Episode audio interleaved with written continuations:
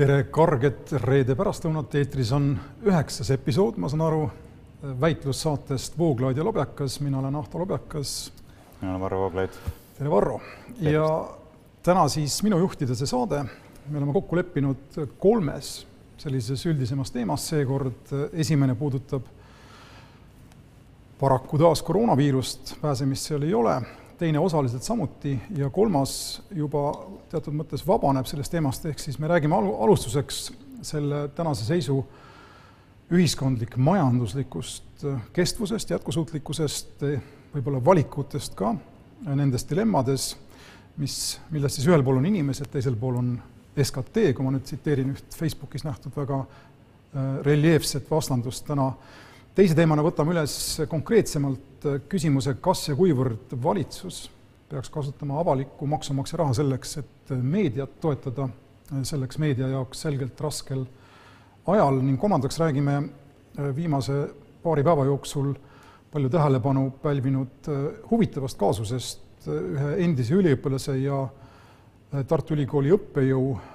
tülist, mis puudutab siis tagasisidet, mis jäeti selle üliõpilase poolt õppejõule kinnises keskkonnas, ma saan aru, äh, mille õppejõud siis, äh, millega õppejõud rahul ei olnud ja selle sõnastuse äh, lausa kohtusse andis. igal juhul alustame esimese teemaga, ühiskondlik majandusliku poolega siis selles koroonakriisis ja noh, seda küsimust on küsitud varem ka eri vormides, aga täna ma nägin Facebookis Rein Raud väga selgelt asetas selle dilemma siis paari lausega fookusse valik on inimelude ja SKT vahel, noh, me teame tänaseks juba, et SKT projekt, SKT langemise projektsioonid siin nelja-viienädalase eriolukorra tingimustes on mitte ainult Eestis, vaid üleüldiselt, ma saan aru, kusagil kümne protsendi kandis ja ega keegi täpselt ei tea, mis juhtuks kahekuuse või kolmekuuse või neljakuuse või minu pärast kuuekuuse eriolukorra puhul, aga selge on see, et mingil hetkel mulle vähemalt tundub, see vastandus äh, muutub suhteliselt sisutühjaks, ehk siis saabub hetk, kus majanduslangus muutub nii suureks tänu nendele piirangutele, et inimesed hakkavad äh, kannatama ja ka surema muudel põhjustel. minu arvates tuleks seda teemat arutada ja ma ei arva, et oleks mõistlik panna ta sellisesse äh, noh, dihhotoomiasse, et ühel pool on meil siin mure äh, ma ei tea, eurode pärast, teisel pool on inimelud, vaid see seos on palju keerulisem ning noh, inimesed nagu meie ja kindlasti poliitikud, kes on täna võimul, on inimesed, kellele selle eest makstakse, et nad neid valikuid arutaksid. ja ma olen sinuga täiesti nõus, et minu meelest see dihhotoomia on mitte lihtsalt vale, vaid ka intellektuaalselt väga temp, sellepärast et äh, üsna lihtne on ju aru saada, et äh, et mõlemal poolel on inimelud, kui tahta niipidi väljenduda ei ole niimoodi, et koroonaviirus on ainukene asi, mis ohustab inimelusid, aga kõik muu ei puutu inimeludesse, see ei ohusta mitte kuidagi inimlikku heaolu ega ka inimelu. noh, siin on väga lihtne tuua näiteid, et äh, isegi plaanilise meditsiiniabi osutamise peatamine ohustab ju inimelusid. et kõik, kes on tahtnud äh, praegu saada mingisugust äh, abi, aga pole seda saanud, võivad olla ka juba hukkunud selle tõttu, eks ole, näiteks mingisugused südamehaigel tehtavad äh, plaanilise meditsiiniabi protseduurid on edasi lükatud ja see edasilükkamine on võib-olla saanud inimesele saatuslikuks, nii et nad sellest poolest eriti ei taha mitte keegi rääkida. aga see ei ole kindlasti ainukene aspekt, on ju täiesti selge ka see, et kui näiteks äh, ettevõtted pankrotistuvad, inimesed koondatakse, nad jäävad tööta, jäävad ilma sissetulekuta kui palju tuleb sellest äh, depressiooni, kui palju tuleb sellest enesetappusid, kui palju tuleb sellest perekondade purunemisi ja mitmesugusel moel viis, muul moel äh, inimlikku õnnetust. see kõik on ka inimlik tragöödia, inimlik traagika, mida ei saa kõrvale jätta ja rääkida, et tegelikult siin on, siinpool on ainult kahju SKT-le, nii et minu meelest see dihhotoomia on täiesti selgelt vale ja liiga kaua ja liiga intensiivselt on seda tõsiasja ignoreeritud no probleem iseenesest, selle probleemi juured iseenesest on mõistetavad, see, see kriis oli algusest peale prognoosimatu, ta jääb tänaseks prognoosimatuks, keegi ei suuda meile öelda seda, kas näiteks see viirus on absoluutselt kindlalt äh, mitte taastuv, ühesõnaga inimesed, kes on ta läbi põdenud, kas nad on nii-öelda immuunsed, kas tänased testid on sada protsenti usaldusväärsed, ma loen siit, jälle täna lugesin, Karmin Joller, perearst, kirjutab, et et isegi positiivsed inimesed võivad täiesti nagu mitte väga eri erakorralistel või eripärastel tingimustel, erandlikes tingimustes anda negatiivse testi. Ja nii edasi, seni kuni see kõik jääb otsustamatuks, on noh, meil tegemist sellise väga keerulise olukorraga, kus projektsioone teha ei saagi, aga sellis, sellistes olukordades äh, ongi minu arvates veel noh, nagu selle võrra olulisem siis vältida sellist psühholoogilist äh, äh, ütleme, vindi peale keeramist, mida me siin praegu näeme, me oleme näinud algusest peale, ma tulen tagasi vist meie päris esimese saate juurde, on minu jaoks selline problemaatiline äh, fenomen, kus, kus tekib omaette selline noh, vooruse signaliseerimine, inimesed, kes lähevad kaasa kõikide nende asjadega, mida arvatakse, et on vajalik teha selleks, et koroonaviirus ei levi, selliseid inimesi kiidetakse, peetakse heaks, antakse neile nii-öelda sotsiaalset krediiti ja inimesed, kes on, ma ei tea, kes nendega kaasa ei lähe või on, ütleme, kriitilised, satuvad automaatselt äh, teatud mõttes põlu alla ja, ja siin on selles samas võrdluses SKT ja inimelude vahel on olemas see aspekt, selline katse teatud mõttes nagu crowdfund ida, kui ma tohin nii öelda, hädasid ja noh, ilmselgelt praegu kõige populaarsem ja kõige mõistetavam ja kõige lihtsamini allakirjutatav häda, kui nii tohib öelda, on koroonaviirus, aga neid on palju teisi ja kõik need tragöödiad, mis siin üks, ükshaaval hakkavad vaikselt nüüd kuhjuma siin taustaks, eks minu mm. pärast vähihaiged, kes ei saa ravi ja nii edasi, on kõik ka isiklikud tragöödiad kellelegi ja, ja sedagi aspekti ei tohi unustada ja ja noh, ühesõnaga kõik taandub minu jaoks lõppkokkuvõttes sellele, et massipsühholoogia ei saa olla tähtsam isik, inimese, ütleme, isiklikust kannatusest ja see kannatus peab alati olema ähm, individualiseeritav, mitte, mitte nagu käima seda rada, et kus on rohkem, kes, ühesõnaga, kes karjub kõvemini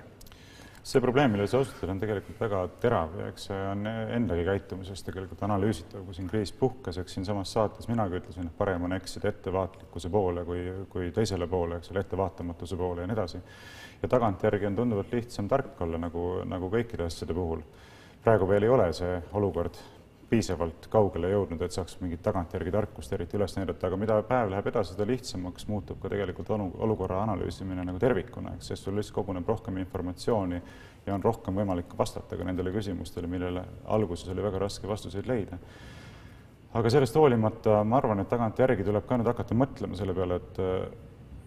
kuidas nendele olulistele küsimustele siiski vastata, muuhulgas küsimusele sellest, et kui suure ohuga meil ikkagi reaalselt nüüd tegu oli kuivõrd kõik need meetmed, mida said rakendatud, olid põhjendatud, kuivõrd oleks võinud kaaluda ka alternatiivseid meetmeid, eks vähemalt tulevikuks, järgmisteks kordadeks, sest ilmselt see ei jää viimaseks viirusepuhanguks, peaks need küsimused enda jaoks läbi mõtlema. noh, näiteks kuni sinnamaani välja, et äh, tegelikult tuleb ju praegu jälgida ka seda Rootsi, kui lubate nimetada seda eksperimendiks, eks ole, et milliste tagajärgedeni see jõuab või milliste tulemusteni see jõuab. pärast saab olema väga huvitav jälgida, näiteks võtame Eesti äh, suremuse märtsikuus ja aprillikuus viimase kümne aasta lõikes, võrdleme seda eelmiste aastate suremusega ja võtame Rootsis needsamad numbrid ja vaatame, kui palju see siis suurem oli ühel või teisel poolel, eks. kuigi rakendati täiesti erinevaid meetmeid ja, ja noh, see on lihtsalt üks meetod, mille kaudu seda asja analüüsida, aga ilmselt nüüd pikemas perspektiivis tuleb hakata vaatama, kas need olid ainumõeldavad äh, meetmed, mida rakendati või mitte. ja noh, ma veel kord tahan toonitada seda, et kui nüüd inimesed, kui näiteks nüüd vallandub suurem majanduskriis oletame tõepoolest, et äh, väga paljud inimesed kaotavad töö, noh, juba on kaotanud paljud töö, aga kaotavad veel väga paljud rohkem. kui need inimesed äh, kaotavad oma kodu selle tõttu, et nad ei suuda maksta näiteks kodulaenusid, tagatisena võetakse nende kodud ära, kuidas mõõta seda inimlikku traagi-, tra-, traagikat? Äh, surmasid on nagu lihtsam arvestada, eks, kuigi noh, siin on jälle eraldi küsimus, et kuidas need koroonasurvad ka on arvutatud, aga see ei ole meie praeguse arutelu teema. aga kuidas seda inimlikku traagikat mõõta, sellepärast et äh, kõik peavad aru saama, kõik peavad tunnistama, et inimlik traagika see kahtlemata on, kuigi on raskemini mõõdetav. siin on jah, kui ma alustan nüüd eespoolt, no mul on nagu mitu mõtet tekkis sind kuulates, üks asi on muidugi loomulikult see, et tagantjärele tarkusest ei tohi teha ka mingisugust piibellikku malakat, millega anda inimestele pärast noh, ma ei tea, vastu pead ja küüru selle eest, et nad tegid otsuseid olukorras, kus kellelgi ei olnud õrnemat ka, mis saama hakkab. seegi on omaette oht, aga kui ma nüüd mõtlen nendele nii-öelda võrdlustele, siis Rootsis, äh, nii palju, kui ma olen Rootsi lehti lugenud, ma saan aru, et äh, Rootsi võimud või otsustajad ise viitavad sellele, et neil on väga ebaproportsionaalselt suur arv neid puhanguid olnud vanadekodudes ja see on siis tõstnud ka suremust, et see surevus ei ole võib-olla automaatselt üks-ühele võrreldav teiste riikidega. seda on raske nüüd öelda, aga oma, no selge on see, et Rootsi on eksperimenteerinud, jätnud ühiskonna vabamaks kui teised riigid, samas see, et küsimus sellest, kui, kui ohtlik on koroonaviirus, ma ei taha ka nüüd pisendada selle ohu nagu suurust ja ma viitaksin siin Angela Merkelile, Saksamaa kantslerile, kes kaks või kolm päeva tagasi pressikonverentsil selle väga nagu puust ja punaseks tegi, öeldes, et kui täna on Saksamaal keskmine nakatuvus ühelt inimeselt siis üks inimene, ja olukord on selline, nagu ta on, siis kui see oleks üks koma üks, ehk siis ainult kümme protsenti suurem, et iga, iga nakatunu nakatakse üks koma üks inimest noh, keskmiselt juurde, siis Saksamaa tervishoiu, tervishoiusüsteem nii-öelda jõuaks piiri või seinani oktoobris, kui see oleks üks koma kaks, siis juulikuus. ka need on reaalsed ohud, reaalsed valikud, aga mida mina nagu tahaksin millele küsimärgiga asetada, ka ütleme, reakodanikuna siin lihtsalt vaadates ringi meil Eestis, on see, et kui ma loen nüüd Lääne-Euroopas siin ja seal alanud piirangute tõstmist, tõstmise nagu faasist, eks siis ma loen näiteks seda, et seal olid siis suletud praktiliselt kõikides riikides mitte ainult pargid, vaid ka ja ostukeskused, vaid ka ehituspoed ja aianduskeskused, mis nüüd taas avatakse. Eestis seda pole tehtud. samas, kui ma ringi käin vaatan kas või poodides või avalikus, avalikus transpordis, meil on mitu nädalat peaminister öelnud, et tuleks kanda maski. aga mingisugust kohustuslikkust ei ole, ühesõnaga, mida ma tahan öelda, on see, ma olen kindel, et seda sama kriisi on olnud võimalik juba tänaseks hallata teistmoodi ja paremini kui selliste suhteliselt umbmääraste piirangutega, mille majanduslikku hinda keegi arvutada ei oska ja ei julge mm. -hmm. see on tegemata jäänud asju, kas või see maski kandmise nõu-, kohus, kohus, kohustuslikuks tegemine, ma pakun. no on ilmselge, et ei saagi sellist kohustust kehtestada, kui maske pole mitte kuskilt võtta. et siin, see viitab juba varasemale tegemata jätmisele, et kui pole varutud neid maske õigel ajal sellisel viisil, et inimestel oleks võimalik neid osta, mõistliku hinnaga osta, või kui neid pole tasuta inimestele laiali jagatud, nagu ka ju mitmel pool on tehtud, eks ole, et seisab politseinikud näiteks metroo juures ja lihtsalt jagavad neid niimoodi pakist, et neid kaadreid on ju ka nähtud siis noh, kuidas seda kohustuslikkust kehtestada, eks ole, ma ütlen, kohustame kõiki inimesi sõitma autoga, mitte ühistranspordiga, kui ei ole inimestel autosid, siis pole seda võimalik teha, eks, ja noh, nii edasi. ma viitan korraks Austriale, kus, oli vist Austria, kus võimud ütlesid, et mask või sall näo ees mm,. Mm. kas või ükskõik missugune kättesaadav vahend, et mitte muidugi vältida, aga minimeerida seda võimalust, et sa ise ja, no, nakkad või nakatud. jah, sall võiks igaühel olla küll, eks. jah, no midagigi, eks. ja jah, noh, seda küll jah, aga selge on see, et tagantjärgi on lihtsam tark olla see on tõsi ja ma olen sinuga täiesti nõus, et äh, me ei saa kritiseerida neid inimesi, kes pidid võimupositsioonilt langetama väga vastutusrikkaid otsuseid äh, selles samas olukorras, kus nendegi teadmised äh, ja neilegi kättesaadav informatsiooni hulk oli väga piiratud. tagantjärgi, olles ise positsioonil, kus meil on kättesaadav palju rohkem informatsiooni ja kus me tegelikult ei vastuta mitte millegi eest, eks. nii et neid asju tasub silmas pidada, aga ometi, ometi on võimalik, ma arvan, sellest kriisist ikkagi üksjagu õppida ja ja noh, need näited, mida sa tõid, juba osutavad sellele. aga muuseas, mis puudutab nendest lahtiolemisse, muusse sellisesse, siis noh, minul näiteks kristlasena on küll okas hinges sellega seonduvalt, et mul on maja ümber näiteks mitu ehitusplatsi, kus hommikust õhtuni töö käib, eks töömehed sagivad seal nagu sipelgad niimoodi ninapidi koos. Iga päev hommikust õhtuni, nädalast nädalasse, nii keegi sabatit ei pea. ja, ja keegi ei ole seda midagi kuskil ära keelanud, öelda ei, niisugust asja nüüd ei tohi teha, nii edasi ja kui kristlastel oli vaja ühel päeval aastas kõige olulisemal pühal, eks paari tunni jooksul tähistada ülestõusmispühi, isegi näiteks valitingimustes, isegi piiratud seltskonnas, isegi maske kandes, siis selle kohta ütles riigivõim, et ei, et seda te teha ei tohi ja kõik, eks. Et noh, muidugi siit ilmneb ka see, et usuühenduste võimekus seista oma huvide eest on palju väiksem kui ehitusettevõtjate võimekus seda teha, aga, aga sellegipoolest no mis iseenesest ei ole ka üllatuslik, usk on teatud mõttes meie ühiskonna ta tahavaatepeeglis, ma ei ütle, et ta ei võiks naasta, aga täna vähemalt, kui me oleme siin ilmalikus riigis, nagu ka meie põhiseadus selle põhimõtteliselt sätestab, kuigi hümnis on sõna Jumal, mis mul tekitab probleeme mm, -hmm. teiselt poolt äh, ise Jumalasse mitte uskudes ma ka teatud mõttes valetaksin või ütleksin midagi võltsi, kui ma laulaksin härdalt Jumal, Jumal kaitse meid või mis iganes, eks siin on ka see aspekt olemas. aga ühesõnaga, tulles tagasi äh, selle tänase Eesti olukorra juurde, siis ma äh, teatud mõttes mina saan sellest ligimesest aru, kes tahab tööd teha sellel ehitusplatsil seitse päeva nädalas, ma oletan, et ta palk on miinimumpalga lähedane, ma oletan, et tihti ta pole üldse Eesti Vabariigi kodanik, ma oletan, et tal pole reaalses elus ähm, võrreldavaid õigusi meie enda töötajatega või kui ka on, siis ta saab ümbrikupalka ja kes on selles süüdi, ettevõtja ei jõua talle rohkem maksta või ei taha talle rohkem maksta ja see kõik on üks selline hirmus, äh, selline hopslik äh, nõiaring, eks, kus, kus midagi head ei ole, inimesed teenivad enda palga välja, kui need inimesed lasta nüüd lahti, ehitusplatsid kinni panna ja mitte ainult ehitusplatsid, siis ma kujutan ette, noh, riik on meil siin võtnud laenu või lubanud äh, panustada ütleme siis ametlikult töötavate inimeste palga maksmisse teatud aja jooksul, aga selge on see, et see raha on lõpp, ei ole lõputu, eks. Ma, ma ei ole päris kindel, kui suur selle lisaeelarve äh, maht on meil, aga fakt on see, et see ei ole ligilähedanegi sellele üheksale miljardile, mida Siim Kallas on nõudnud laenu, laenuna või üheteistkümnele miljardile, mida vist Jüri Käo mainis. sellistes oludes noh, selge on see, et valitsusel on keerulised valikud ja, ja inimeste lausvaesustamine sellega, et, et, et nende töökohad ära võtta ei ole ka valik ja ma saan ka, ütleme noh. ma olen sinuga selles mõttes nõus, ma ei väida üldse vastu, ma lihtsalt ütlen, et tahaks näha loogilist järjepidevust igasugustes keeldudes. sinu jaoks loomulikult ei ole see mingi probleem, et ülestõusmispühi sa, ülestõusmispühadel ei saa paari tunni jooksul liturgiat pühida, seda aga kristlaste jaoks on, eks et.... ei, ma mõistan ka tegelikult seda argumenti, mis ütleb, et kui näiteks poed on lahti, ostukeskused on lahti pühapäeviti, siis inimesed noh, ei ole tegelikult positsioonis kes seal töötavad, et ise valivad pühapäeva tähistamise või mitte, neil on seda raha vaja, ilmselgelt nad töötavad seal nii, nii palju kui võimalik lihtsalt selleks, et see suhteliselt pisku nagu koju viia. ega ma ei ütle, et see ei ole probleem, aga, aga ma lihtsalt mõtlen, üritan mõelda nagu süsteemsemalt ja, ja mul tekib ausalt öeldes, ma kujutan täitsa ette, et see, mis äh, Jüri Ratasel ja teistel inimestel praegu silme ees on, äh, on suhteliselt äh, köömes võrreldes sellega, kui see, mis juhtub siis, kui see probleem peaks kestma nagu ma ei tea, ütleme kuus või kaksteist kuud. Meil tulevad siin kohalikud valimised küll nüüd natuke rohkem kui aasta pärast, eks, aga sellegipoolest mingil hetkel ma kujutan ette, et see valik on nüüd noh, nüüd seda Rein Raualiku dihhotoomiat rakendades, aga parafraseerides, valik on siin kümnete tuhandete surnute vahel, kellel kõigil on omaksed, kes kindlasti seda valitsust tagasi ei vali, või siis ma ei tea, saja või kahesaja tuhande töötu vahel kes ka kindlasti seda valitsust tagasi ei vali ja kes tahaks tulla väga tänavatele ilmselt mingil hetkel, kui see asi niimoodi edasi läheb, kui talv tuleb näiteks vaene ja tuleb ka karm ja inimestel ei ole raha, et maksta kütte eest ja nii edasi, tagasi.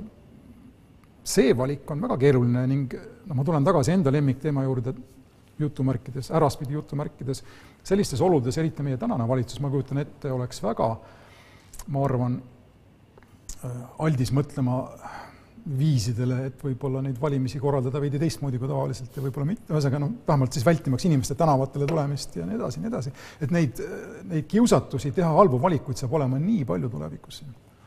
ei muidugi, see, selles osas tuleb endale aru anda ja ma arvan, et siin ma olen sinuga nõus, et tegelikult see kriis võib hakata poliitikutele meeldima, sellepärast et kriisiolukorras sul on palju lihtsam niisuguseid kaugeleulatuvate tagajärgedega samme astuda ilma kohtamata tõsist opositsiooni. noh, kriisiaeg, eriline olukord vajab erilisi meetmeid, erilisi volitusi ja noh, tegelikult see on ju suurepärane, kui sa oledki selline poliitik, kes ongi unistanud sellisest võimalusest jõuliselt tegutseda, edasi liikuda. sa ei mõtle ometi EKRE poliitikast? ei, ma räägin, ma räägin täiesti abstrakt, abstraktselt. no Jüri Ratas tegelikult on umbes samas. ma ei räägi üldse Eestist praegu okay., aus ka, ma mõtlen täiesti abstraktselt, et põhimõtteliselt see oht on olemas. samal ajal noh, praegusel hetkel ma ei näe, et erilised märgid sellele väga veel viitaksid ei Eestis ega kuskil mujal, et mulle pole vähemalt selle, selliseid märke silma torganud. aga jah, põhimõtteliselt see võimalus on olemas, aga noh, mis puudutab äh, nüüd seda volituste, noh, seda sinu lemmikteemat, eks ole et kas meil on siin mingisugune oht, et hakatakse demokraatlikke valimisi ära jätma või midagi sellist. ma ei tea, kas sa oled näinud, et mõnes riigis oleks juba valimisi näiteks edasi lükatud? Kohalikult peiti Prantsusmaal ära, aga see oli fiasko. selge on see, et peeti ära selles tingimustes? aga see oli fiasko paljuski, seda kritiseeriti, seda otsust mm. -hmm. see kõik sõltub tingimustest ja noh, Eestis on aega, aga ma arvan, mida, millest tahan öelda, on see, et valitsusel on kaks väga halba valikut mm -hmm. selles samas, selles dilemmas, millest me siin alustasime, eks üks on riskida siin tuhandete, kümnete tuhandete surnutega, kellel on perekonnad puht nagu ütleme, valijate mõttes ja teisel pool on siis inimesed, kes kaotavad töö, kes vaesuvad, kes samuti on valijad. Eh, ma ei, ma ei, ma ei usalda, mul on skepsis meie valitsuse või isegi meie poliitilise süsteemi suhtes, et sellistes oludes osatakse teha isetuid ja ja mõistlikke, rääkimata tarkadest valikutest. jah, siin on alati see oht, et kiusatus on teha neid otsuseid, mis on mitte moraalses plaanis õiged vaid neid, mis toovad suurema hulga inimeste poolehoiu, eks. et no näiteks Tallinna linnavalitsusel on mõttekas kulutada ressursse selleks, et remontida tänavaid Lasnamäel, mitte näiteks Kalamajas, sellepärast et noh, Lasnamäel elab niivõrd palju rohkem inimesi, eks ole, et noh, see on lihtsalt võib-olla ei ole hea näide praegu, aga põhimõtteliselt ütleme selline, kuidas on inglise keeles incentive, selline suunav, suunav hoiak on olemas, et teha otsuseid lähtuvalt populaarsuse taotlusest. see on väga huvitav vaatepunkt sulle, et kas, kas ei tuleks ressurss, mulle nagu jääb mulje, et sa arvad, et ressurssi ei tuleks mahutada sinna, kus inimesi on rohkem, vaid sinna, kus on paremad inimesed järsku, hipsterid habemetega. ei no sageli tuleb lihtsalt ressurssi paigutada sellistesse asja, selliste probleemide lahendamisse, mis võib-olla ei puuduta väga suurt hulka inimesi, aga mis jällegi moraalses plaanis on väga olulised, eks ole, et no.. okei okay,, ma olen nõus, aga tegelikult minu, tähendab, ma nüüd tohin enda näite välja käia äh, paralleelselt sinu omaga, siis see on kahjuks on sellel pistmist nüüd jälle EKRE-ga, siin äh, see väga kiirelt sellise refle-, ütleme, põlvenõksu refleksina või randmerefleksina tulnud mõte, et saadame nüüd välja kõik võõrtöölised ja las Eesti enda inimesed teevad selle põllutöö ära, mis vaja on, eks. esiteks oli see, vabandust, idiootlik ja teiseks äh, ta ei küsinud põllumeestelt, eks, see, need inimesed, kes rääkisid, EKRE ministrid äh, sellest, ei küsinud põllumeestelt ja kui neid küsiti põllumeeste kohti, siis põhimõtteliselt ütlesid nad täpselt sama, mida omal ajal ütles Mart Laar kakskümmend viis või kakskümmend aastat tagasi, enne kui me Euroopa Liiduga liitusime, kui meilt küsiti äh, mis siis, ühesõnaga, kui probleemiks oli see, et tulevad uued liikmesriigid, hakkavad ka tahtma põllumajandussubsiidiume, eks. selleks, et vanad liikmesriigid meid ei peaks konkurentideks, öeldi Mart Laari ajal ja mul on meeles, see oli meil peaaegu et äh, ametlik läbirääkimispositsioon, meil ei ole põllumajandust, ärge muretsege. tuleb EKRE, kes sisuliselt tuli võimule, osaliselt vähemalt, nendesamade inimeste häältega ja saadab nad kohe allavett ja minu skepsis meie tänase võimu vastu eriti nagu pärinebki sellistest väga äh, mis ta on siis refleksiivsetest liigutustest, mis on muuseas sarnased sellele, mida teeb Trump ja mida tegi siin varem Boris Johnson, aga tema on ilmselt nüüd tunduvalt alandlikum pärast seda, kui ta napilt pääses. no see on eraldi teema, üle pikem arutelu, ma ei tea, kas see on põhjendatud nüüd seda otsust idiootseks nimetada, sellepärast et iseenesest on ju arusaadav, et kriisi ajal sa mõtled ennekõike sellele, et oma, oma inimestele tööhõive võimalusi suurendada sam-, olukorras, kus inimesed niikuinii väga paljud tööd kaotavad ja neid võimalusi ka vähemaks jääb, eks. et seda teevad praegu kõik riigid, kõik mõtlevad ennekõike oma kodanike huvide peale ja okei okay,, vabandust, idiootlik oli vale sõna, aga ütleme siis südametu ja ütleme, kuri otsus, kui sa kas või mõtled sellele, kuidas need, ma ei tea, sajad või tuhanded ukrainlased kriisioludes oleks hakanud Eestist lahkuma. no südametu muidugi. Venemaa, Läti, Leedu, Valgevene on meil siin vahel, eks kõik piirid on suletud, ise nutsime, ise nutsime krokodillipisaraid Poola piiri taga istuvate inimeste pärast, eks, ja tahame siit välja saata tuhandeid inimesi, need rännaku nüüd tagasi. see on selge, praegu palju südametuid otsusi tehakse. Ja noh, ega soomlaste otsus on ka ju öeldud, et on südametu, et ei lase neid tuhandeid inimesi või kümneid tuhandeid, kes töötavad Soomes, eks ole, pendeldavad Eesti vahet, seda teha siin, need inimesed on ka. ega neil oli valik, äh, siin on südametus teisel tasandil, siin on no, valik, kas isa jääb Soome või isa tuleb jah, koju. no ma, ma ei ütle, et see on nagu üks-ühele sama otsus, aga südametuid otsuseid peavad palju praegu langetama, et see on selge. aga kui nüüd, kui sa lubad, ma natukene võib-olla tõstataksin mingisugust teist asja veel äh, siia diskussiooni, mida ma oleks tahtnud äh, ära öelda siin saates, et nagu vähemalt korra läbi käiks, on see, et kui me räägime nüüd tõsiselt olulistest otsustest, selleks, et ei realiseeruks see suur traagika mitte koroonaviiruse ohvrite kaudu, vaid läbi majanduslike kahjude, mis omavad ka väga selgelt inimlikku mõõdet ja ka tervisemõõdet, siis üks olulisemaid otsuseid, mida minu meelest valitsus võiks praegusel hetkel kaaluda,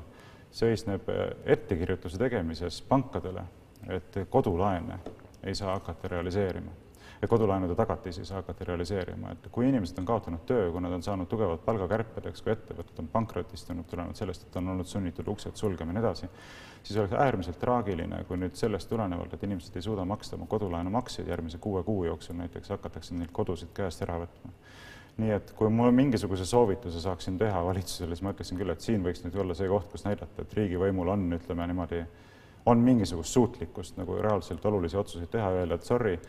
vabandust, eestikeelse sõnaga vabandame väga, aga järgmise kuue kuu jooksul ei tohi pöörata täitmisele neid laenusid, isegi siis, kui inimesed ei suuda neid makseid maksta. nii et ma arvan, et see võiks nüüd üks asi olla, mille osas valitsusele survet avaldada. mina olen siin küünilisem poliitikat, mitte küll seestpoolt väga näinud, näinuna, aga siiski näinuna. ma arvan, et mis praegu valitsuses mida, millega praegu valitsuses arvestatakse, on, on puhtnumeeriliselt võrdlus eelmise kriisiga, kus kahe aasta jooksul kukkus GDP kakskümmend viis protsenti midagi sarnast ei juhtunud, eks valitsus ei vabandanud ega ei teinud mingisuguseid samme selleks, et et midagi garanteerida ja praegu me räägime siin kümneprotsendisest kukkumisest ja ma arvan, et praegu mõeldakse, et sellest kõigest õnnestub välja tulla kergemini kui eelmisest kriisist. ma arvan, et see on vale mõte ja ma arvan, et see, millest sa praegu räägid, on kusagil septembri-oktoobrikuus aktuaalne ja siis on valitsusel tunduvalt vähem aega ja tunduvalt kitsam, kitsamad olud, et sellist asja mõistlikuna esitada, muuhulgas ärgem unustagem, et kui see, kui minu väga selline tumeda tooniline ennustus peaks realiseeruma, siis peaks valitsus selliseid samme astuma, ettevõtlusvabadust räigelt piirama oludes, kus ta teise käega küsib teistelt riikidelt laenu. kaks asja ei ole kokkukäivad noh, ma ei tea, kas ei ole, noh, miks nad ei ole kokku käivad, et sa ei saa laenu küsida niimoodi, et sa rikud ise reegleid või noh, ühesõnaga rikud reegleid suurte ettevõtete jaoks, mille omanikud on sul Rootsis ja mujal ja nii edasi, need ei ole sinu ettevõtted ju. Eesti pankasid on minimaalselt meil. no aga fakt on see, et riigivõim teeb pidevalt ettevõtetele ettekirjutusi näiteks seadusandlikku korda muutes, eks ole, et makse tõstes, igasuguseid ettekirjutusi saab teha ja kriisi ajal on võimalik ka selliseid ette, ettekirjutusi kindlasti teha ei tohi kodusid hakata inimestelt käest ära võtma, kui nad ei ole suutelised ajutiselt neid laenumakseid maksma. ma üldse ei vaidle, aga ma, ma ei näe, ma ei näe põhjust, miks ei peaks saama. aga me oleme siin kuus kuud tagasi või natuke, ütleme kuus kuud kuni aasta, kuue kuu kuni aasta jooksul tagasi on meie valitsus muretsenud tõsiselt sellepärast, et tänu sellele rahapesukriisile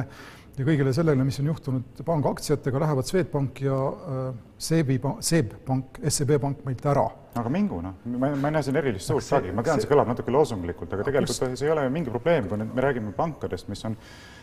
kümneid aastaid tegutsenud sisuliselt kolonialistidena, eks ole, riisunud kohalikult turult palju suuremaid protsente kui näiteks Rootsi turult ja Soome turult, eks just mõned päevad tagasi vaatasin, ERR oli välja toonud kodulaenumaksete, kodulaenude intresside määrad, näiteks Soomes on kuskil null koma kaheksa, null koma üheksa, Eestis kaks pool, eks ole. aga kas see ei ole, kas see ei ole mingi riskipreemium? mina ei ole pangandusekspert. ma ei ole ka, aga, aga mingi... põhimõtteliselt kõik viitab selle samamoodi nende pensionifondide tootlused, eks ole, mis on Rootsis, ma ei tea, kordades kõrgemad kui Eestis näiteks, et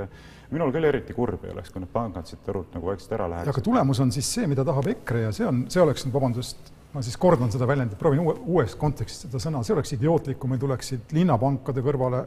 pidi tulema mingi linnapank mingil hetkel, eks, tulevad riigipangad või mis iganes see võiks olla, eks, Eesti enda pangad, kus nad äh, selle kapitalisatsiooni saavad, me läheme tagasi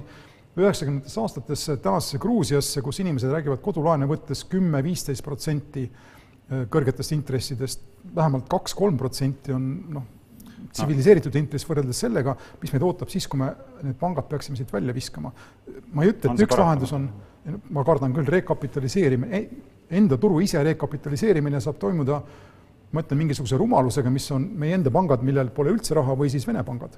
mis avab hoopis teised uksed meie jaoks. ma ei taha öelda, et mulle meeldib ükski nendest lahendustest, aga ma igal juhul jääksin tänase situatsiooni juurde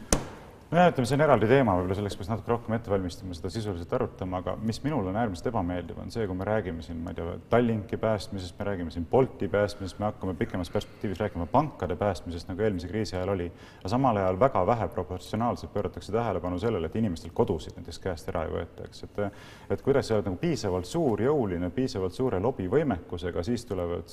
tulevad valitsused sulle appi, hakkavad maksumaksjate rahadega sind poputama, samal ajal kui sa oled väike ja väeti ja abitu ilma lobivõimekuseta, võimekuseta nagu tavaline kodulaenu võtja, eks ole, et siis teda nagu eriti ei taha keegi kaitsta, sellepärast et tal lihtsalt ei ole seda lobivõimekust, et see, see on see asi, mis närvi ajab. see on tõsi ja võib-olla viimase asjana praegu selles teemas ma ütleksin omalt poolt äh,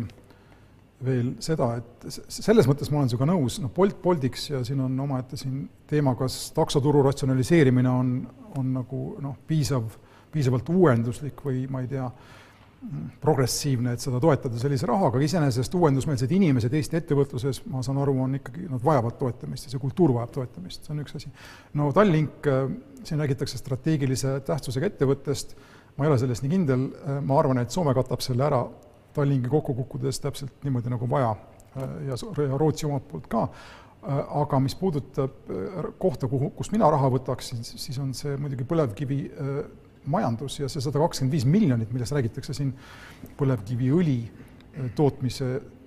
subsideerimiseks, ma saan aru, et siin on omaette nagu mõte, et tööhõivet selles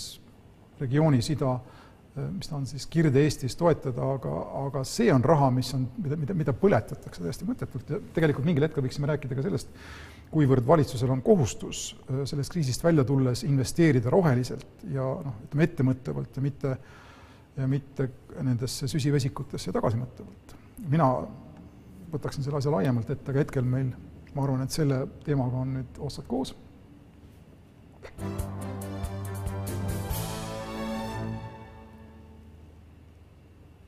ja võtame ette järgmise välja reklaamitud teemadest, mis on äh, meedia rahastamine.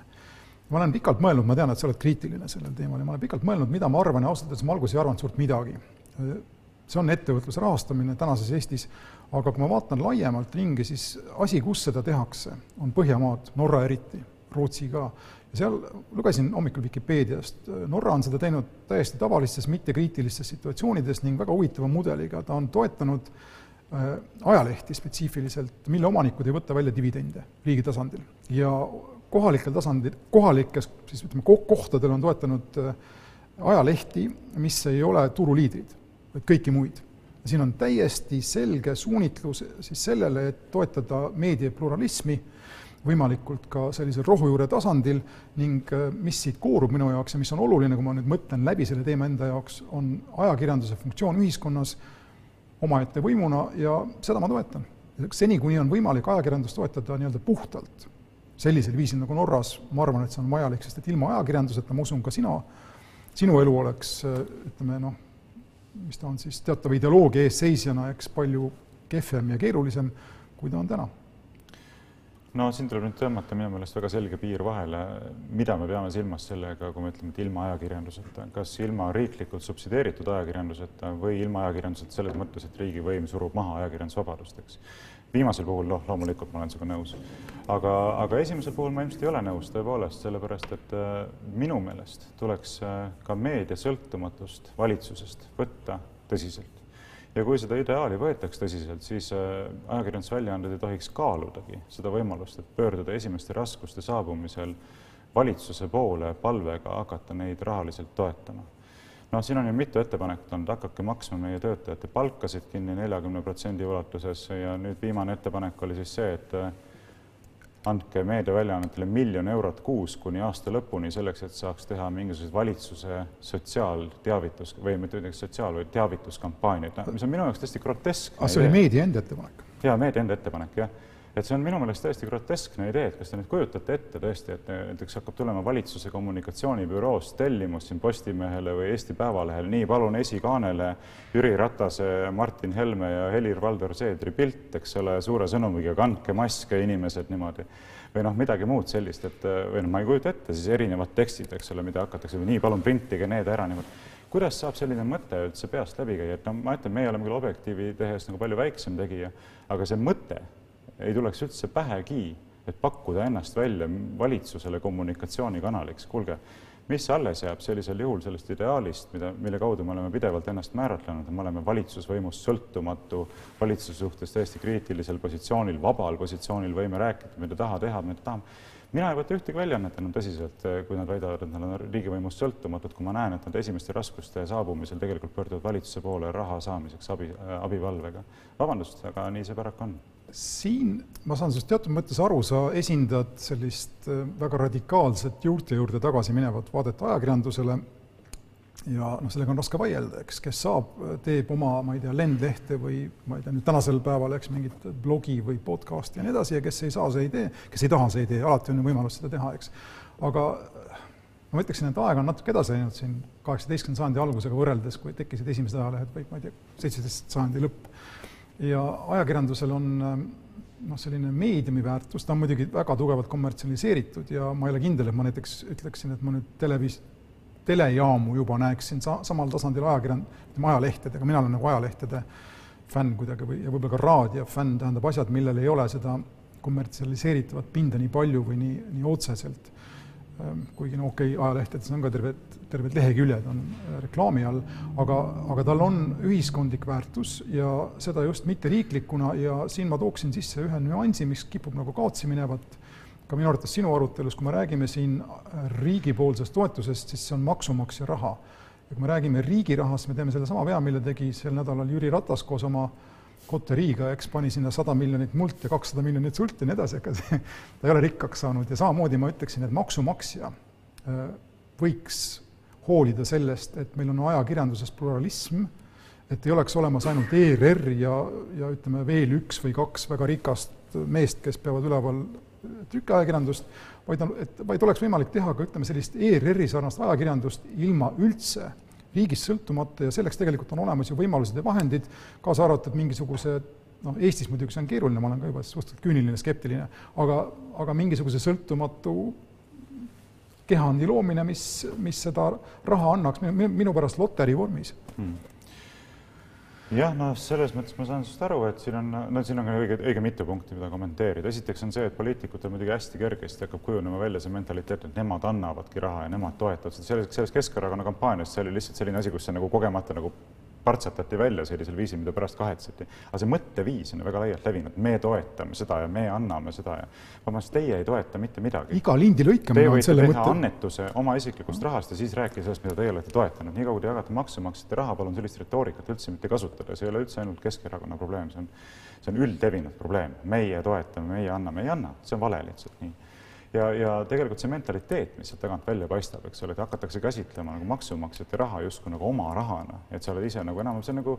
ma ei tea, siin on nagu mingisugune teatav selline absolutistlik nagu hoiak on ikkagi taga, et eks ole, et meie ja te, meie seda ja meie teist, mulle see üldse ei meeldi. aga ma küsikski sult siis nagu ümber sõnastades selle probleemi, et kui oleks võimalik anda maksumaksja raha sellise ühiskondliku funktsiooni toetamiseks, milleks on sõltumatu ajakirjandus, kas sa ka siis oleksid selle vastu? ma olengi selle vastu. igal juhul siis? ma olen igal juhul selle vastu ja, ja ma, ma ütlen ühte asja ka, et üks argument on siin väga tõsine, mida ma olen kuulnud selle, selle probleemi kontekstis, mis, mille tõttu ma pean ka oma väiteid kvalifitseerima. selle esitas eile Facebookis minu seinal, kirjutas mulle, võib-olla kuskil mujal ka, Mikk Salu, kes ütles, et kõige selle kontekstis tuleb silmas pidada seda, et era, erameedia töötab pideva turumoonutuse olukorras tulenevalt asjaolust, eks see paralleelselt tegutseb suur koloss riigimeedia näol ERR-i silmas pidades siis. et, et põhimõtteliselt, kui kujutame nüüd ette, et kõikides teistes valdkondades oleks samasugune asi, et kütusemüüjad peavad tegema oma äri, olgugi et kõrval on suur riiklik tanklate kett, eks ole, ma ei tea, hotelliettevõtted peavad tegema oma äri, aga kõrval, kõrval on suur hot, riiklik hotellikett. ma ei tea, jah, no nii edasi, edasi, eks ole siis see on probleem, tõepoolest, eriti, eriti kriisi ajal, eks, kus ERR justkui ei peaks üldse ennast koomale tõmbama, teda nagu rahamured ei vaeva sellepärast et tema eelarve on paigas, see mingist reklaamimahtudest ei sõltu, tellimustest ka ei sõltu, eks. ja, ja siin satuvad erameedia väljaanded selles mõttes keerulisse olukorda, nii et ma arvan, et on põhjendatud, et tegelikult peaks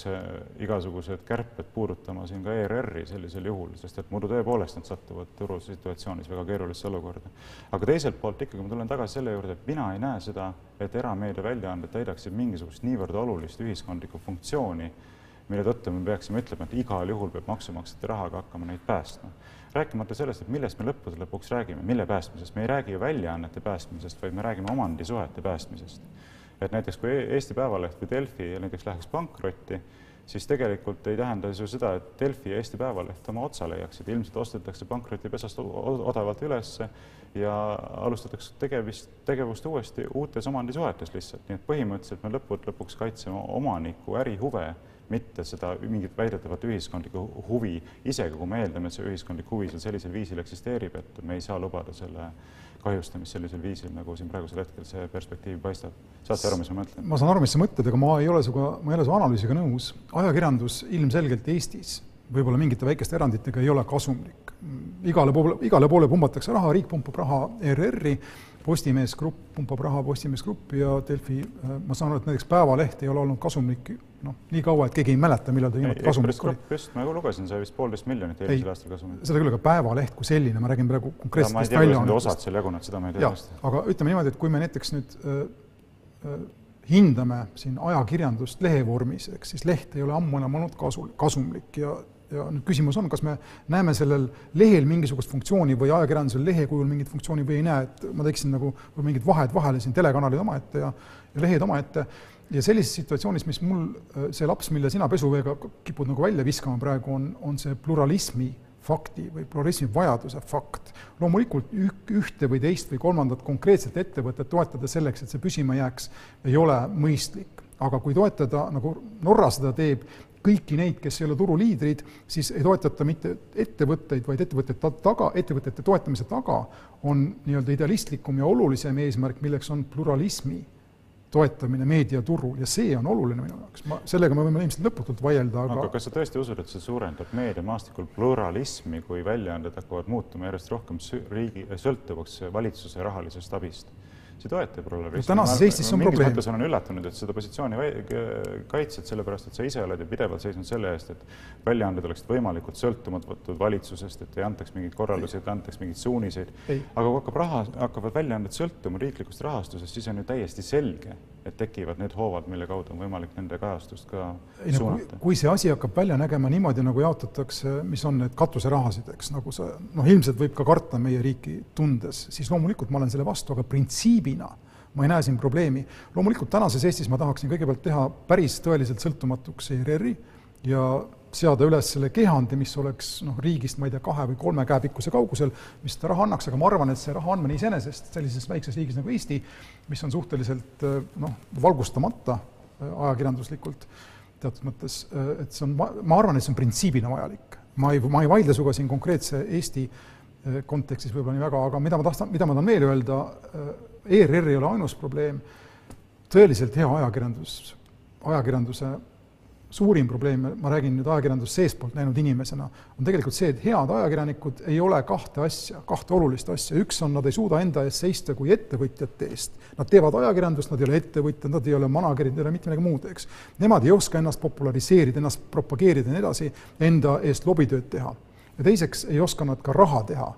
ja selliste inimeste olemasoluks tuleb luua võimalused, kus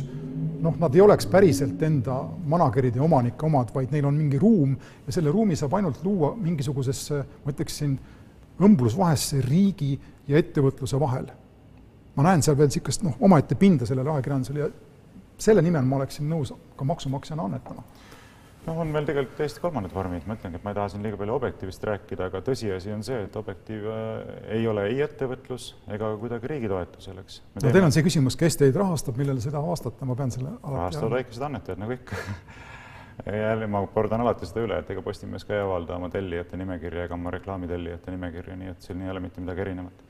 aga põhimõtteliselt ma tahaksin ikkagi rõhutada seda, et äh, fundamentaalsel tasandil meil tiksub siin küsimus sellest, et mida tähendab ajakirjanduslik sõltumatus ja mina olen selles küsimuses küll täielik absolutist. kui te tahate rääkida endast kui valitsusvõimust sõltumatutest väljaannetest, siis ärge isegi mõelge sellest, et hakata mingisugust rahalist toetust või abi küsima.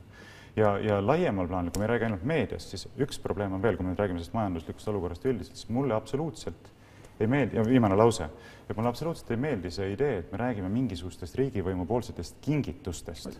peaks olema kas äh, mingi osaluse loovutamine ettevõttes siis riigile, samamoodi ajakirjandusväljaannetes, kui te tahate toetust saada, mille te võite pärast uuesti välja osta, selle osaluse, eks ole, kui te soovite.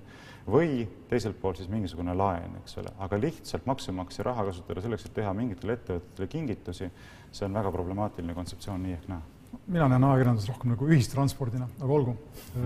ideede ühistransport täpselt.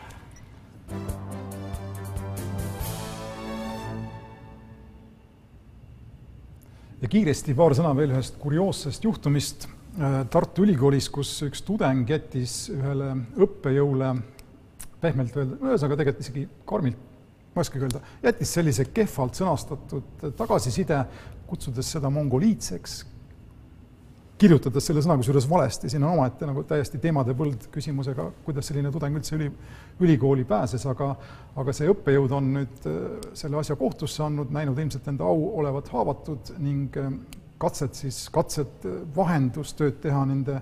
inimeste vahel on kõik luhta jooksnud, kummal on nüüd õigus, kui ma tohin öelda enda kahe sendi väärtuses seda, mida ma lõpuks arvan sellest kõigest järgi mõelnuna, siis ma ütleksin, et ülikool peaks selle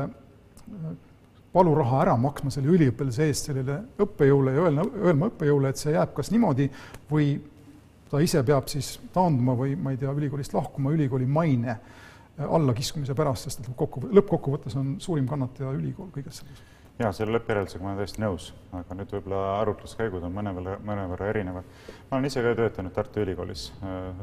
õige mitmeid aastaid, olen andnud kursusi, olen saanud tagasisidet ja tean väga hästi, et mitte kõik ei kiida sulle alati takka, ükskõik kui sa hästi sa oma kursust teed. on neid, kellele meeldib, on need, kes noh, käivad lihtsalt kursuse läbi ja on ka neid, kes on kriitilised. mitte kunagi pole peast läbigi käinud see mõte, et kriitilise tagasiside tõttu võiks hakata kohtusse pöörduma, et mingisugust kahjuhüvitist nõuda tudengitelt. see on nagu täiesti peadpööritav idee ausalt öeldes ja minul oleks ka nüüd väga tõsine küsimus ülikooli nahas olles sellele õppejõule, vabandust, et kuidas te peate sellist käitumist võimalikuks, kuidas te saate nii õrna nahaga olla ja kuidas te olete valmis nii radikaalseid meetmeid võtma, et tegelikult seada kahtluse alla kogu Tartu Ülikooli poolt kehtestatud tagasisidesüsteemi usaldusväärsuseks, mis praegu on juhtunud?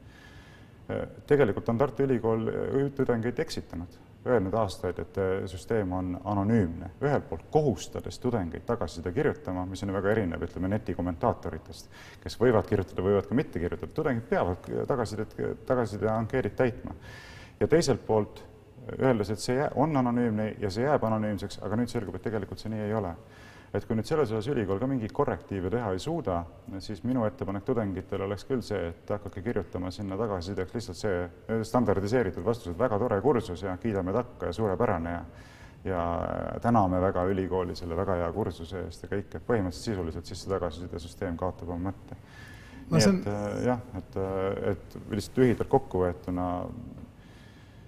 selle õppejõu käitumine on küll täiesti, täiesti kummastav, ülikool ei tohiks selle suhtes silma kinni pigistada. no selge on see, et ta üritab üliõpilast karistada, kuna ta seda raha endale ei taha, vaid ta on öelnud, et see tuleks annetada äh, Inimõiguste Keskusele, mis tegelikult on üks tore koht, kui ma aru saan, erinevalt instituudist. Äh, aga noh, see selleks, igal juhul äh, see on ülikooli maine probleem ja mitte, kusjuures mitte nüüd üksik ega ainukene siin viimase, viimaste aastate jooksul neid nagu tundub kuhjuvat ja, ja ma ülikoolina võtaksin kõike seda tõsisemalt, süsteemselt ülikool ei näe meil hea ega ütleme siin kahekümne esimese sajandi mõttes euroopalik välja, aga noh, see selleks. No muuseas see, mitte et see nüüd keskse tähtsusega aspekt oleks, aga kujutad ette, milline skandaal oleks praegu lahti läinud, kui mõni õppejõud oleks samasugusel viisil käitunud ja nõudnud sellelt tudengilt äh, vaikselt, et ta teeks selle kahe tuhande eurose annetuse nüüd sihtasutusele perekonna ja traditsiooni kaitseks, et see on veel eraldi küsimus, eks ole, et Inimõiguste Keskus on samamoodi ideoloogiliselt kitsa suunitlusega,